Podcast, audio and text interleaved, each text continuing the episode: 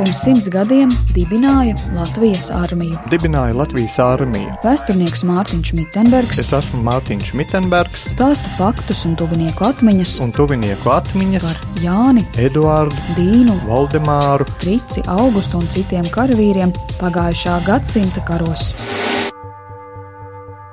tuvinieku ziņas par karavīru Jāni Krūmiņu, dzimušu 1931. gadā Valmierā.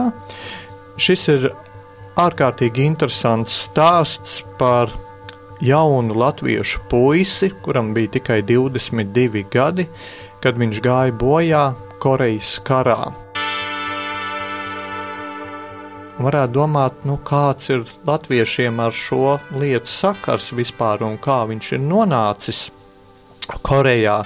Tad šī lieta ir patiesībā ļoti vienkārša. Tas parāda šo Latvijas politisko situāciju pēc otrā pasaules kara, kad šeit bija padomju okupācija un ļoti daudz latvieši mēģināja bēgt projām, lai paglābtos no deportācijām. Un tā arī Krūmiņa ģimene bija dabūjusi zināt, ka viņi ir izsūtāmo sarakstā, un māte ar diviem dēliem bija devusies uz Vāciju.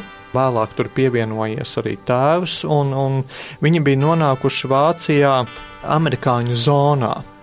Un tas viņiem ļāva būtībā 50. gados nokļūt Amerikā. Un šis Jānis Krūmiņš, e, sākoties Amerikas Korejas karam, vienkārši tika iesaukts Amerikas armijā. Kaut gan Jānis Krūmiņš skaitījās Latvijas pavalsnieks, tātad e, būtībā Jāni Krūmiņu nemaz nevarēja iesaukt Amerikas armijā, jo viņš vēl nebija dabūjis pilsonību. Un 53. gadā tad nu, viņš ir nonācis Korejā, kas tajā laikā, kur uh, Ziemeļkoreja ar Ķīnu cīnījās komunisti, kā mēs saprotam, kur sekas vēl mēs joprojām jūtam. Ir saglabājusies tikai viena fotografija, kur mēs redzam šo jauno puisi, kur viņš ir redzams Korejā, kur viņš stāv pilnā ekipējumā, ierakumos, bruņu cepurē, ar visu uzskari.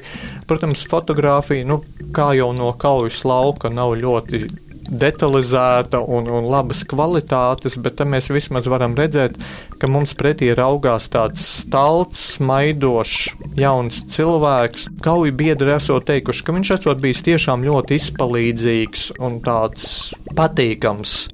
Liktenīgajā 1953. gada 14. jūnijā ienaidnieku uzbrukuma tuvcīņas laikā viņš ar rokas granātu tika savainots un gāja bojā. Kā jau es minēju, viņam tobrīd bija tikai 22 gadi. Jāteic arī, ka viņš pirms pāris mēnešiem kādā citā kaujā arī jau bija ievainots, bet ļoti veiksmīgi atveseļojies un jau atkal bija gatavs stāties kauju vienībās.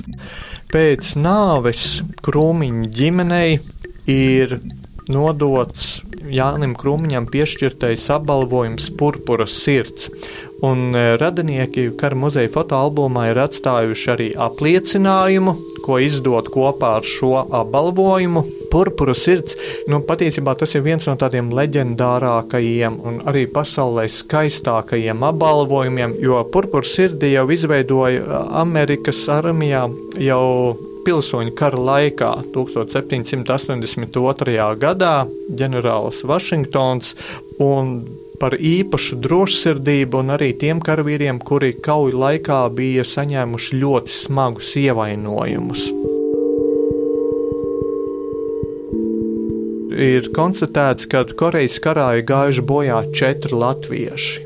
Un šis karš varbūt nav bijis arī Amerikas sabiedrībā tik populārs, un tikai pēc 50 gadiem gandrīz šiem karavīriem kopskaitā tie bija aptuveni 50 tūkstoši, kas gāja bojā, tika uzbūvēts monuments pieminēt arī šie latviešu karavīru vārdi. Jāteic, ka ļoti daudz latvieši trimdā izvēlējās militāro karjeru pēc otrā pasaules kara zinām apstākļu dēļ, jo šī izglītība bija bez maksas, un tas nodrošināja statusu, algu, un nu, tā bija tāda zinām izdzīvošana.